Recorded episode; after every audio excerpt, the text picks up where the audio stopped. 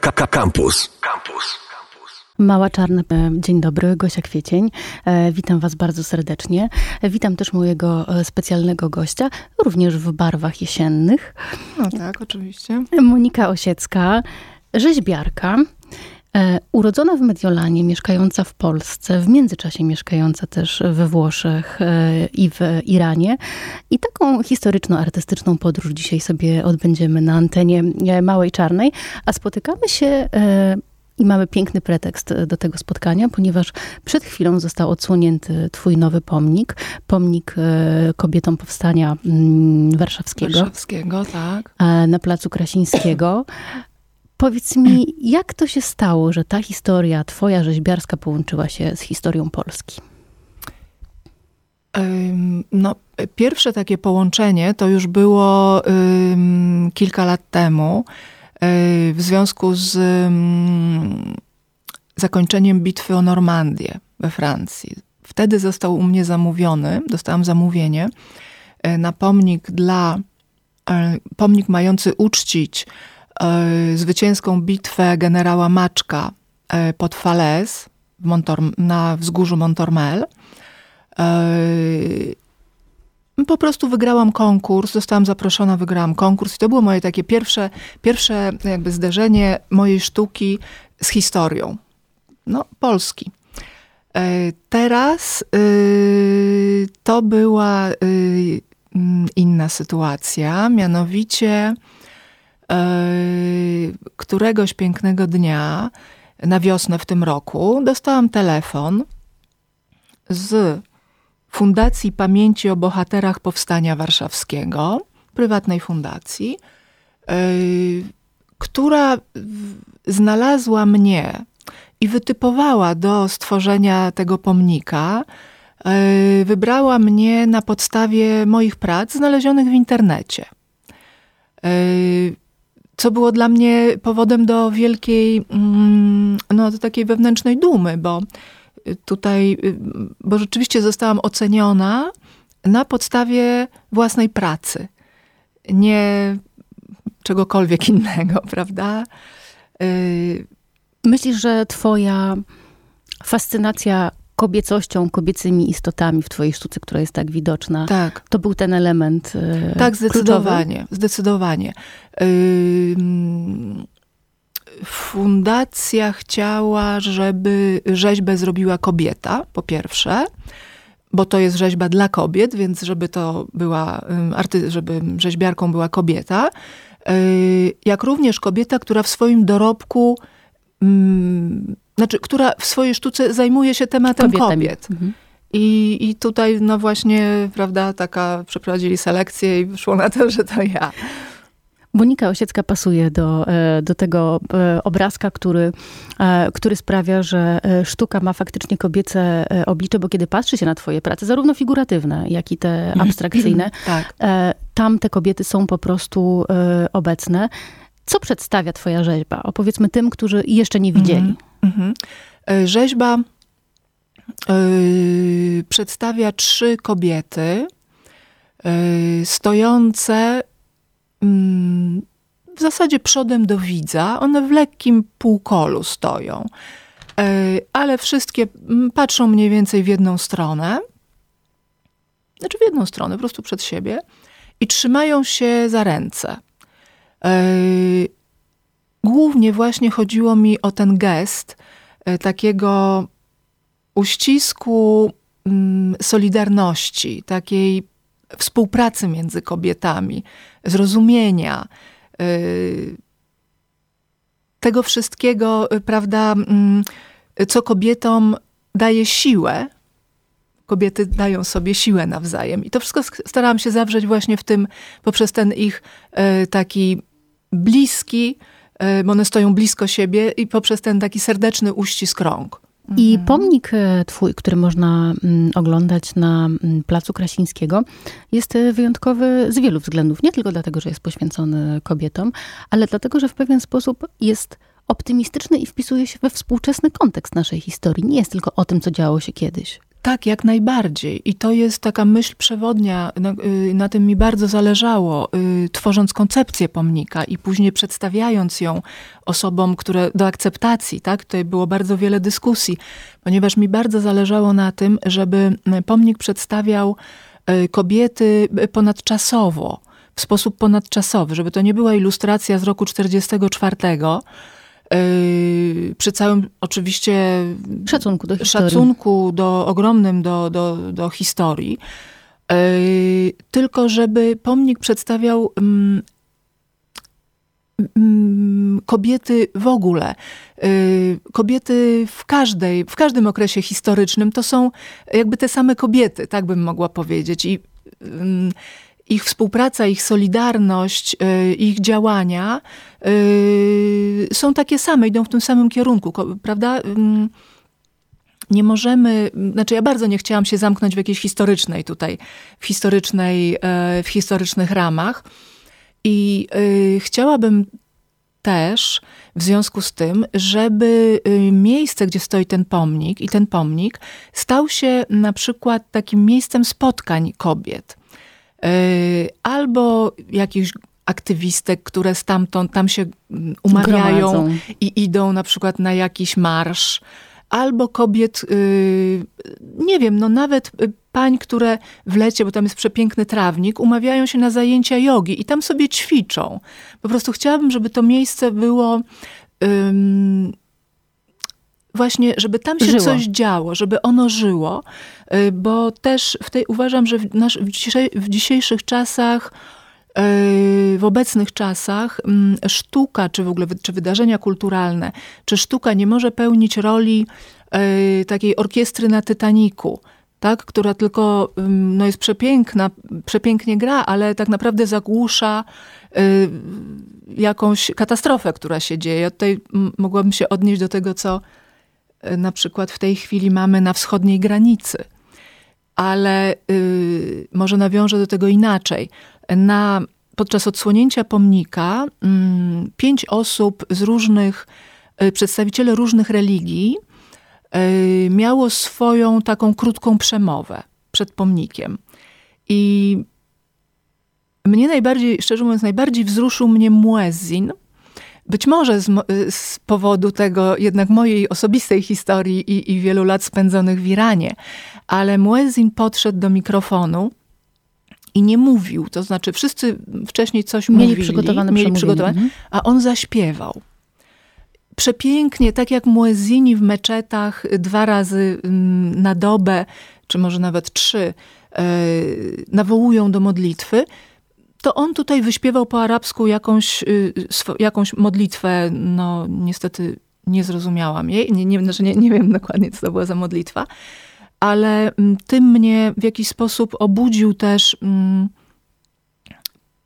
przypomniałam sobie, znaczy przypomniałam sobie, pomyślałam i teraz myślę o tym właściwie bardzo mm, gorąco, o tych ludziach, którzy na wschodniej granicy naszej w zim, teraz, no nie wiem, jak oni w ogóle trwają przez noc, kiedy jest, są tak niskie temperatury, tam umierają kobiety, dzieci, tak, mężczyźni. I yy, bardzo mnie to dotyka, ponieważ mogę sobie wyobrazić, że to są moi sąsiedzi po prostu z Teheranu, z mojej kucze Faruki, na której mieszkaliśmy. I nie wiem, nie, nie wiem, co z tym zrobić. Co z tym zrobić po prostu. Ale tu dotykasz takiego mm, ważkiego tematu. Czy sztuka coś powinna? A jeżeli tak, to co? Czy sztuka coś może e, w tej, w tej sytuacji? Czy artysta coś może? No oczywiście, artyści próbują na bardzo różne sposoby włączać się w, e, w życie, mm, bieżące społeczne. życie mhm. społeczne czy polityczne. Ja, de, ja tego nigdy nie robiłam do tej pory, ale y, coraz po prostu dzieją się takie rzeczy, że, które już zaczęły mnie dotykać y, bardzo y, po prostu nawet mnie, mhm. która byłam bardzo wyłączona, zajmowałam się swoją sztuką, taką w jakiejś takiej bańce mm, swojej osobistej. Teraz już nie, to ta bańka pękła. Ja już nie mogę teraz być obojętna Twoja rzeźba jak sama mówisz, jest o solidarności, Tak. jest o wsparciu, jest o Tak. pewnej wspólnocie. Czy ty wierzysz w to, że solidarność, e, w tym wypadku akurat kobieca, bo rzeźba jest e, o kobietach, Mhm. jest uniwersalna, czy ona w naszej historii pojawia się tylko wtedy, kiedy dzieje się coś dramatycznego?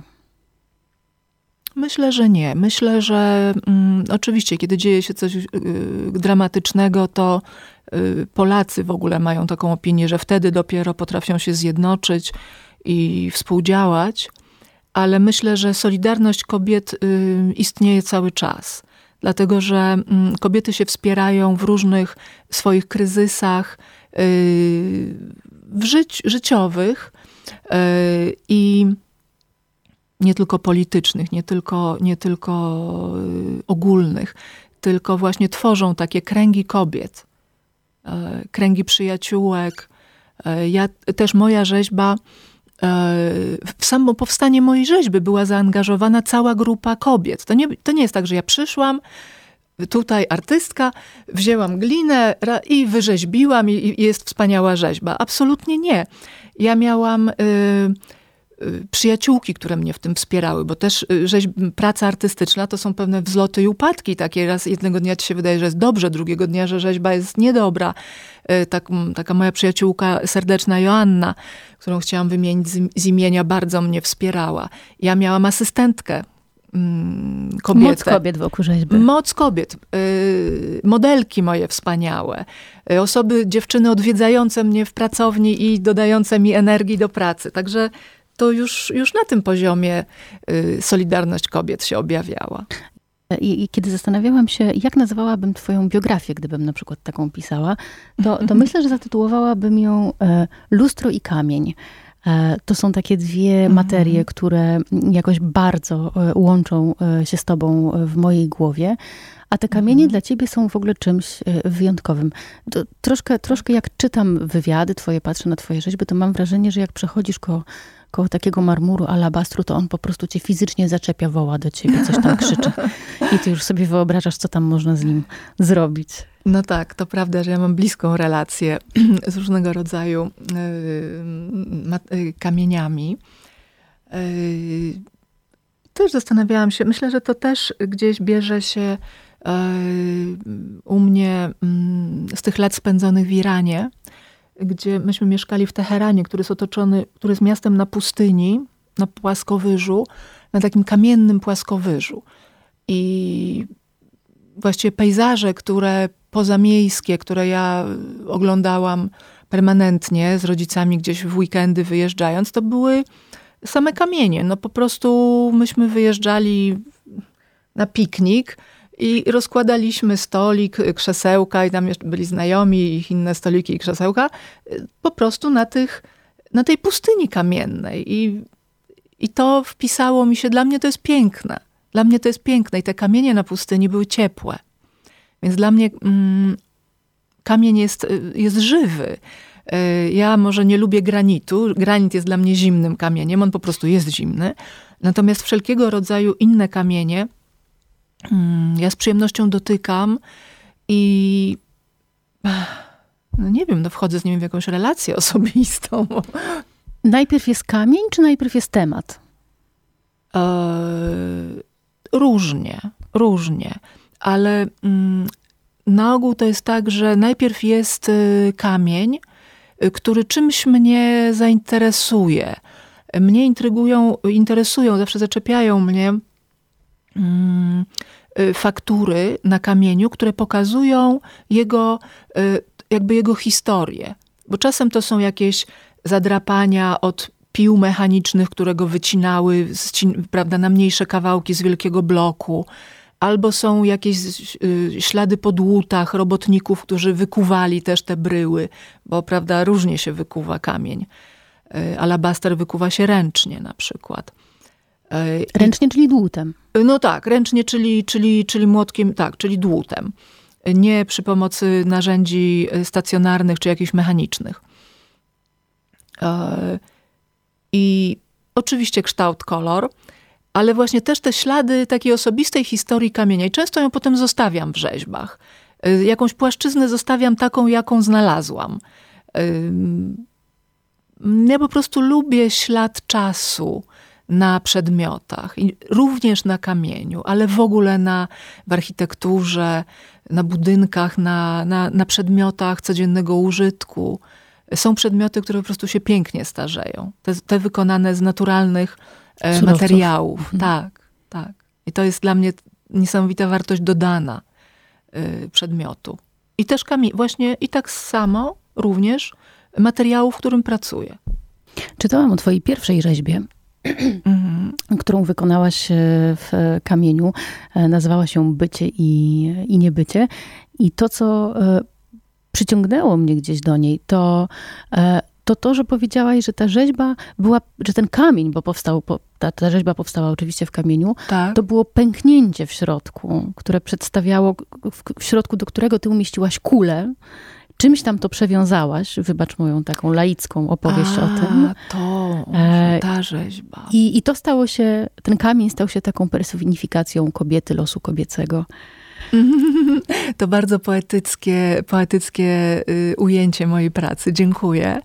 Y, to była, to była chyba rzeźba, którą ja wykonałam na sympozjum Fanano y, koło Bolonii. I tam rzeczywiście. Mm, tak, szczeliny w kamieniu, one są interesujące, bo można za tym pójść, można to rozklinować i zobaczyć, co jest w środku. po prostu.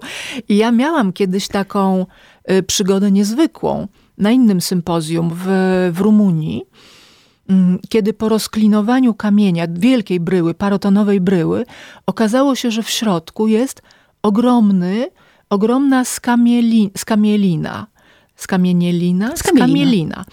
Yy, taki jakby zwinięty wąż, i w środku jeszcze jakby wąż owinięty wokół czegoś okrągłego. To wyglądało jak oko.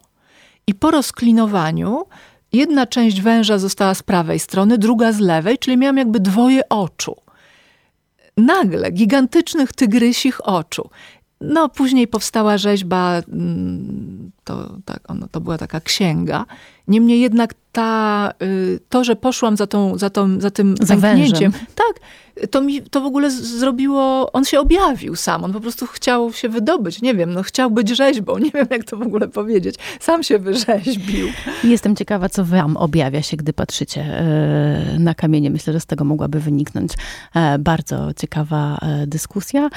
Monika, co dzieje się z twoimi y, rzeźbami po, kiedy takie sympozjum dobiegnie końca? No bo nie mówimy o takiej małej rzeźbie, którą ktoś sobie może na stoliku postawić, no tylko tak. kawale, kamienia. No tak, tak. To są prace, które ważą średnio tak przynajmniej tonę. I oczywiście są sympozja, mm, po których rzeźba staje się częścią wystroju miasta, które zamówił, które zorganizowało i sfinansowało sympozjum. Y, a na niektórych, po niektórych sympo, niektóre sympozja są mm, takie, że rzeźbę można na przykład po dwóch latach y, ekspozycji zabrać na własny koszt. Y, no ale, prawda, to takie... To no brzmi nie, jak wyzwanie. No tak, więc te rzeźby na ogół stoją długo tam, gdzie zostały zrobione i, i cieszą. Chociaż, tak, chociaż ja miałam taki moment parę lat temu, że właśnie pozabierałam wszystkie rzeźby. Nie wiem, no miałam taki impuls, że chciałabym jednak mieć je przy sobie, zgromadzić, zobaczyć. Zorganizowałam y, transport, Pogadać objechał. trochę ze swoimi kamieniami chciałaś. Tak jest. Wszystkie przyjechały. Y, w związku z tym musiałam kupić kontener morski, y, postawić w ogrodzie u siebie i no, bo, bo to są wielkie bryły i to musiałam gdzieś zapakować. I one w tym kontenerze morskim stoją. Oczywiście jeżdżą czasem na jakieś wystawy, wracają. No i tak to wygląda. Czyli masz w ogrodzie kontener, a w kontenerze stoją tak. twoje rzeźby. Tak. Mhm jest materiał w zasadzie na niezłą, niezłą imprezę albo niezły reportaż.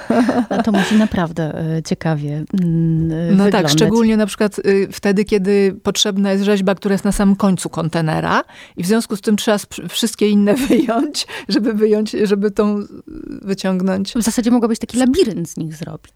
Ach, daj spokój. W tym roku miałam spawanie dachu kontenera. Moja asystentka, ta od rzeźby, y, która mi pomagała y, przy mm, pomniku kobiet, mhm. tak? Okazało się, że ma spawarkę i spawa, więc to złota dziewczyna dla mnie. Nie dość, że spawałyśmy tą konstrukcję samej rzeźby, to później właśnie ją zaprosiłam, wyspawała mi też na dachu kontenera, zaspawała parę dziurek. Także... Można sobie wyobrazić, że ta e, moc kobieca przybiera różne formy. E, Absolutnie. I współpraca, e, i solidarność, spawarka i dłuto, jak widać, wpisują się w ten, w ten krajobraz. Tak czy jest. rzeźby są pod dachem, co przywodzi mi na myśl takie pytanie, czy twoja praca jest w jakiś sposób uzależniona od pór roku? E, tak, o, jak najbardziej. E, w kamieniu, to znaczy, bo też są pewne warunki, których, które ja sobie... Y, jakby w pewien sposób muszę zapewnić, żeby mi się dobrze pracowało. E, I w kamieniu pracuję tylko y, no, wiosna, lato, jesień, powiedzmy, bo ponieważ robię to na dworze. Oczywiście można by pracować w pomieszczeniu zamkniętym, mieć jakieś odciągarki pyłów i zakładać na siebie, na, na głowę, prawda, nie tylko nauszniki ale i okulary, ale też E, no nie wiem, jakiś izolator, jakąś maskę antypyłową, e, ale to już jest za dużo jak na moją jedną głowę. I ja tego nigdy nie robię, to nie jest dla mnie, więc moja praca w kamieniu jest sezonowa. W tym klimacie, tutaj w jakim żyjemy, oczywiście są Rozumiem, klimaty, gdybyś pracowała w Teheranie tak, albo w Mediolanie, to byłoby troszkę inaczej. cały rok. E, I no tak, jest sezonowa. I wtedy w zimie mogę się zająć innymi, innymi materiałami. Mogę z gliny robić różne prace, z gliny ceramicznej, z wosku, które później odleję z brązu. Także jest, mam też co robić w zimie. A z czego zrobiony jest pomnik, e, który został umieszczony na grobie Kory Jackowskiej? Y, to jest rzeźba z brązu. To jest rzeźba z brązu, którą ja zrobiłam e, Mm, ona przedstawia kobietę, siedzącą kobietę. I ona została zrobiona, ja ją po prostu wyrzeźbiłam dla, z własnej potrzeby. Miałam kiedyś modelkę, ona mi pozowała w tej pozie, powstało kilka prac. I ta rzeźba została później wybrana przez y, Kamila Sipowicza. Spodobała mu się, powiedział, że Kora siadała w podobnej pozycji. W podobnej właśnie pozycji i że to jest takie, że mu to przypomina ją. Y, i, i powiem, że, na że głównie na podstawie tej rzeźby, tą rzeźbę jako, pier, jako najważniejszą uznała ta moja fundacja, y, która zamówiła u mnie pomnik.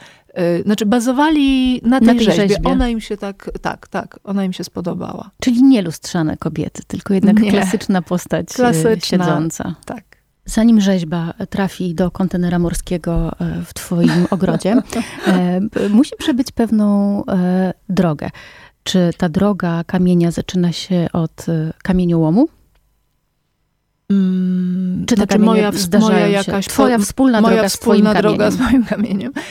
Więc najczęściej tak, najczęściej tak, ja jadę do kamieniołomu, żeby wybrać te fragmenty kamienia, które mnie jakoś zainspirują, czymś mnie po prostu tam zawołają.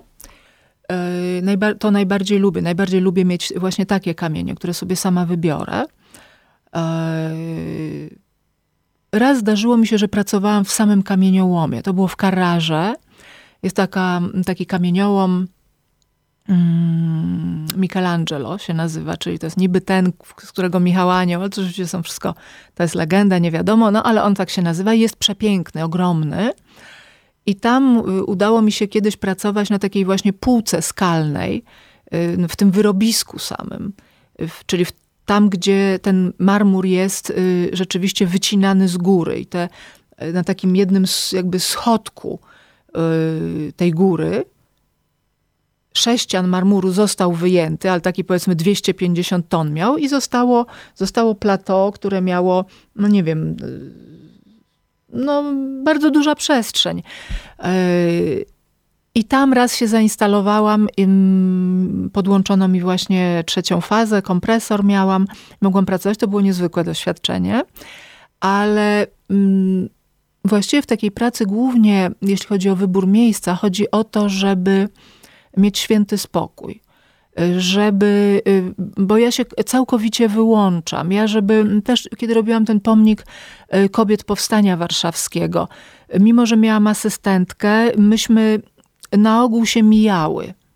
Były te godziny spotkań, korekt głównie, ale wspólna praca nad jedną rzeźbą to już jest, y, znaczy trochę to robiłyśmy, bo było mało czasu i trochę musiałyśmy, ale tak czy inaczej, ja się skupiałam wtedy tylko na jednym fragmencie. Ja robiłam portrety, robiłam te głowy y, tych trzech kobiet i um, no to jest taki moment, w którym ja nie mogę ja się z nikim nie mogę kontaktować, mnie potwornie denerwują, ja nie mogę wizyt przyjmować w pracowni, e, mimo że uwielbiam wizyty i w każdym innym momencie zapraszam, ale kiedy pracuję, to jest, ja nawet nie mogę e, przerwać pracy, ponieważ coś mam robić zupełnie innego danego dnia i wrócić do niej z, po, z powrotem do tej pracy, bo to już jest, to już nie jest ta sama rzeka.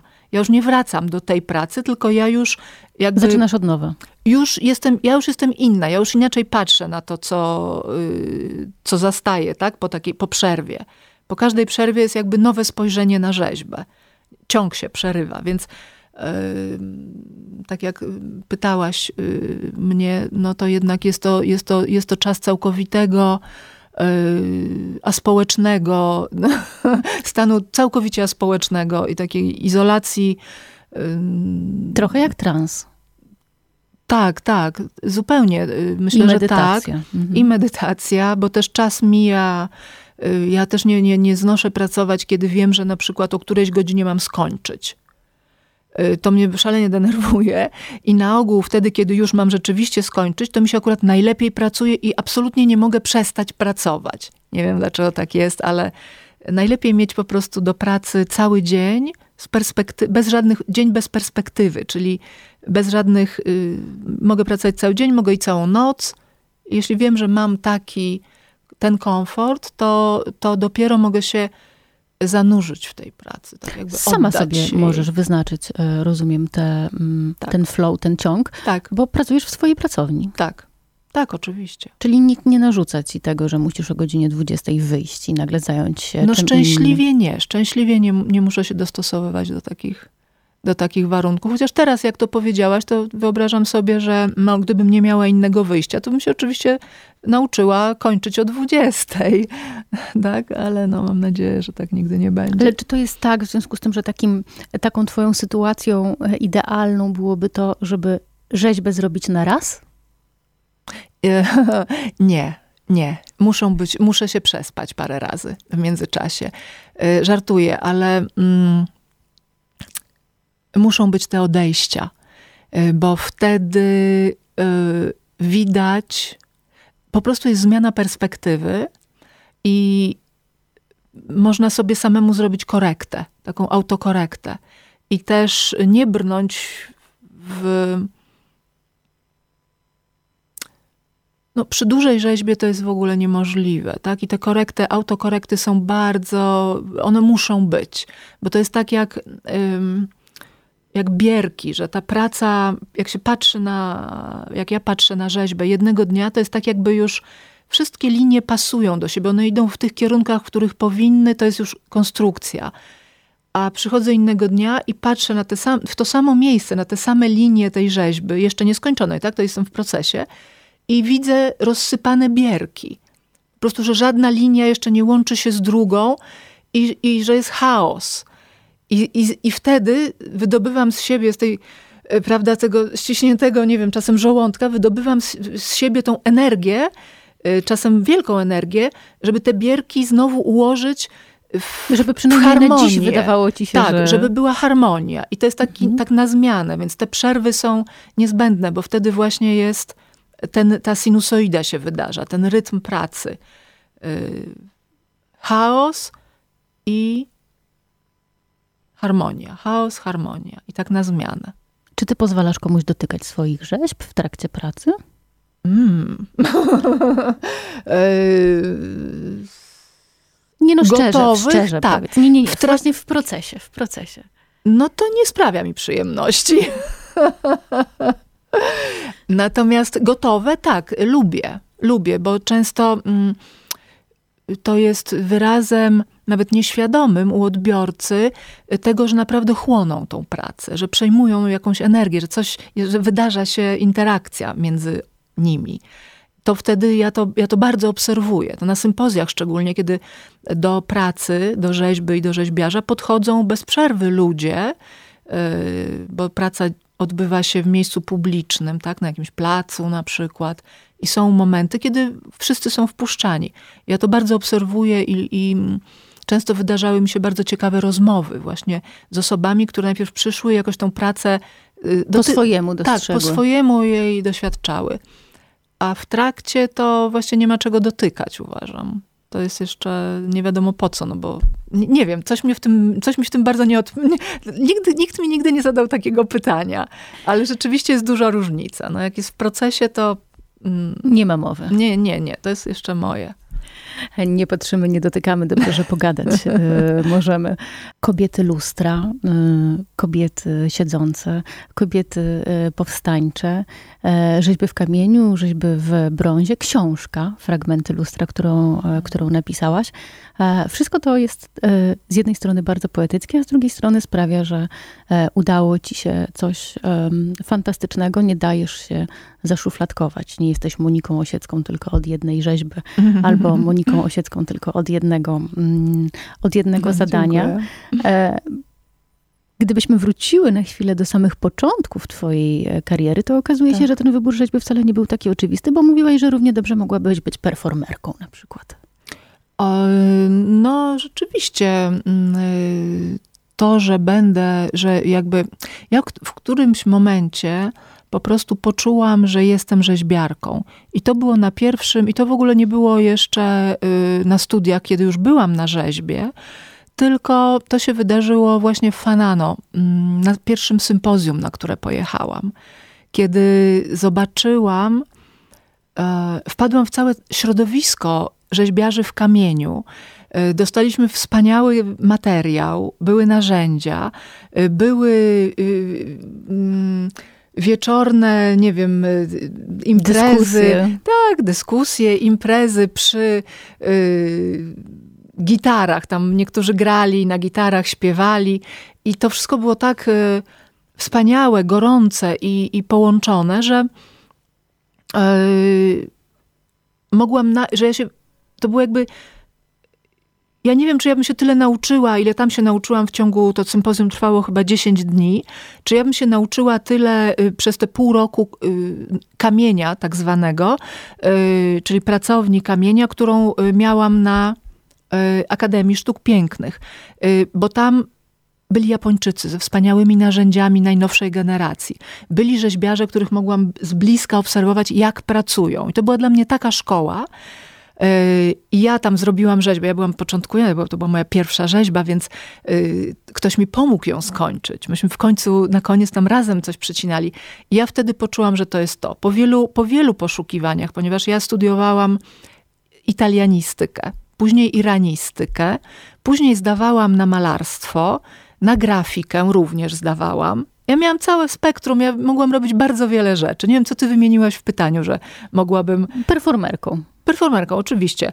Y, trafiłam do pracowni na rzeźbie. Y, ja trafiłam do pracowni, pomijając, że pierwszy rok był u profesora Zemły, to później, to był obowiązkowy, później można było wybrać pracownię. E, I ja poszłam do pracowni mm, konceptualnej mm, Grzegorza Kowalskiego. I tam przez y, całe studia brałam udział mm, w programie tej pracowni. Y, z dużym zaangażowaniem i, i y, no, z jakąś pasją. No ale powiedzmy traf chciał. No tak się stało, że, po, że pojechałam na to sympozjum do Włoch. I wtedy, I wtedy już, i wtedy mi się jakby, to co poczułam wtedy, to czuję do dzisiaj. A to był, to, to jakby tą tożsamość bycia rzeźbiarką w kamieniu. W kamieniu bo nie rzeźbiarką na przykład w tym czy w innym materiale, bo to ja mogę robić, ja to robię, lubię, raz bardzo lubię, raz mniej lubię, raz odstawiam, raz przyciągam, ale chodzi mi o rzeźbienie w kamieniu. To jest jakby taka moja yy, podstawowa tożsamość. Czyli jednak, jednak mała szansa, że tak jak mówią do ciebie kamienie, zaczną do ciebie mówić drzewa albo na przykład blacha, jak u wilkonia. nie, do, mówią do mnie, tylko że y, no blacha może do mnie nie mówi. Drzewa oczywiście mówią, ale y, bardzo dużo do mnie mówią, ale to nie jest, z tego nie będzie współpracy. Tak, ja tutaj dłuta nie wyjmę do drzewa. Życzę Ci w takim razie e, wspaniałej komunikacji, wspaniałych dialogów z Twoimi kamieniami, żebyśmy mogli potem e, te rzeźby podziwiać. Monika Osiecka, rzeźbiarka. Dziękuję bardzo. E, jeśli chcecie zobaczyć najnowszą pracę, wybierzcie się na e, Plac Krasińskich, bo tam właśnie jest e, pomnik kobietom Powstania Warszawskiego. Gosia Kwiecień, ja czekam na Was za tydzień w Małej Czarnej. Dzięki Kubie Grądzielowi za wspaniałą realizację. Do usłyszenia. Cześć. Bardzo dziękuję. Słuchaj Radio Campus, gdziekolwiek jesteś. Wejdź na www.radiocampus.fm.